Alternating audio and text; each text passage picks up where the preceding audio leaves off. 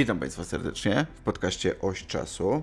Zapraszam Was na krótki raport Ropa w zamian za gotówkę. E, w raporcie tym przedstawię Państwu, jakie rosyjskie firmy mm, mają problemy z otrzymywaną od Indii mm, walutą rupią indyjską.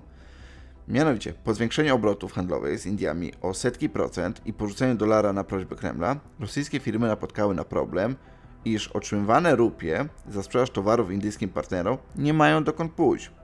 Eksporterzy gromadzą indyjską walutę, ale indyjski regulator nie pozwala na jej obrót. Od połowy ubiegłego roku uczestnicy rynku walutowego byli zainteresowani sprzedażą rupii, ponieważ do Indii napłynęła tania rosyjska ropa, a dostawy na koniec roku wzrosły aż 33-krotnie. E, ich wielkość, prawie 1,5 miliona baryłek dziennie, przekroczyły import z Iraku i Arabii Saudyjskiej nawet łącznie. E, stąd też e, ilość otrzymywanych rupii przez rosyjskich eksporterów była ogromna, gigantyczna. Natomiast to działo się tylko w jedną stronę, ponieważ jest strasznie duża dysproporcja pomiędzy Indiami a eksportem Indii do Rosji a rosyjski, e, rosyjskim eksportem do Indii. Mianowicie podczas gdy Indie importują towary o wartości 4 do 5 miliardów dolarów miesięcznie, ich eksport do Rosji liczy zaledwie setki milionów dolarów. A w okresie od stycznia do września ubiegłego roku dostawy te nawet spadły o 14%.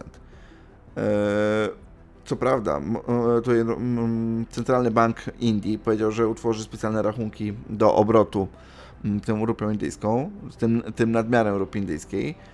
E, nawet były takie ruchy, żeby konkretne produkty wskazać, jakie Rosjanie mogliby kupować od Hindusów.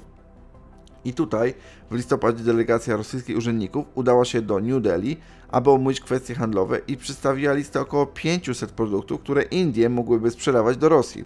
Znalazły się na niej tłoki, pompy olejowe, cewki zapłonowe, zderzaki, maszyny włókiennicze, w tym przędze i barwniki oraz blisko 200 towarów o, e, dla metalurgii. W styczniu odbyła się wizyta kontrolna, ale proces ten nie ruszył z miejsca, czyli nadal Rosjanie mają problem z nadmiarem rupii indyjskiej, której nie ma gdzie wydać. E, w efekcie rosyjskie banki zaczęły odmawiać przyjmowania rupii. E, źródła w New Delhi powiedziały Bloombergowi, że nie chcą nagromadzenia nadmiaru indyjskiej waluty, której nie ma gdzie umieścić.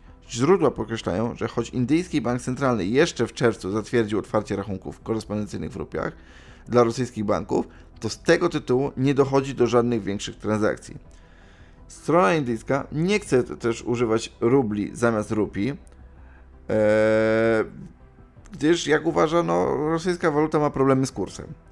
E, dlatego też jest cały czas problem dla Rosjan, że dostają rupię, z którą nie ma co zrobić na świecie, bo rupia indyjska jest bardzo regulowaną walutą. E, jej obrót na świecie jest praktycznie niewykonalny poza, poza Indiami, a Rosjanie otrzymują gigantyczne ilości za zakupy właśnie wspomnianej ropy.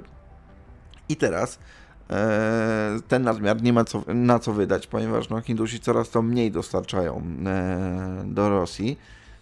Pytanie jest otwarte, czy to jest kwestia e, podporządkowania się jakimś sankcjom, tak? E, czy obawy przed, przed tymi sankcjami nałożonymi wtórnie przez kraje Zachodu, e, a z kolei też nie chcą używać tych rubli, też no boją się, że ta waluta będzie nie, nie, nie do wykorzystania w drugą stronę, tak? Więc bystrzy, trzeba przyznać, Hindusi, no dość dobrze tutaj załatwili Rosjan, kupując masowo tą ropę, ale za rupie, a z kolei nie wysyłając, nie narażając się w drugą stronę na jakieś sankcje.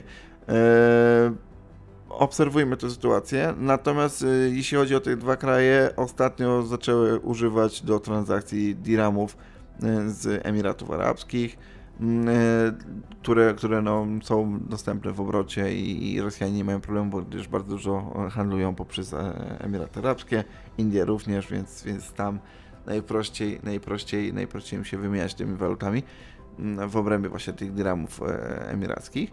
Natomiast pamiętajmy, że nadal nagromadzone jest stosy miliardów rupii indyjskich e, w bankach e, w Rosji, którymi nie ma co nadal zrobić i być może to zadecydować o wielu aspektach w najbliższym czasie, gdyż tak naprawdę te środki mm, są tylko na papierze. Ich wartość jest tylko na papierze. A jakie one będą miały przełożenie na konkretne cele? No obecnie praktycznie żadne. Obserwujemy. Zapraszam do kolejnych odcinków. Pozdrawiam. Trzymajcie się. Cześć.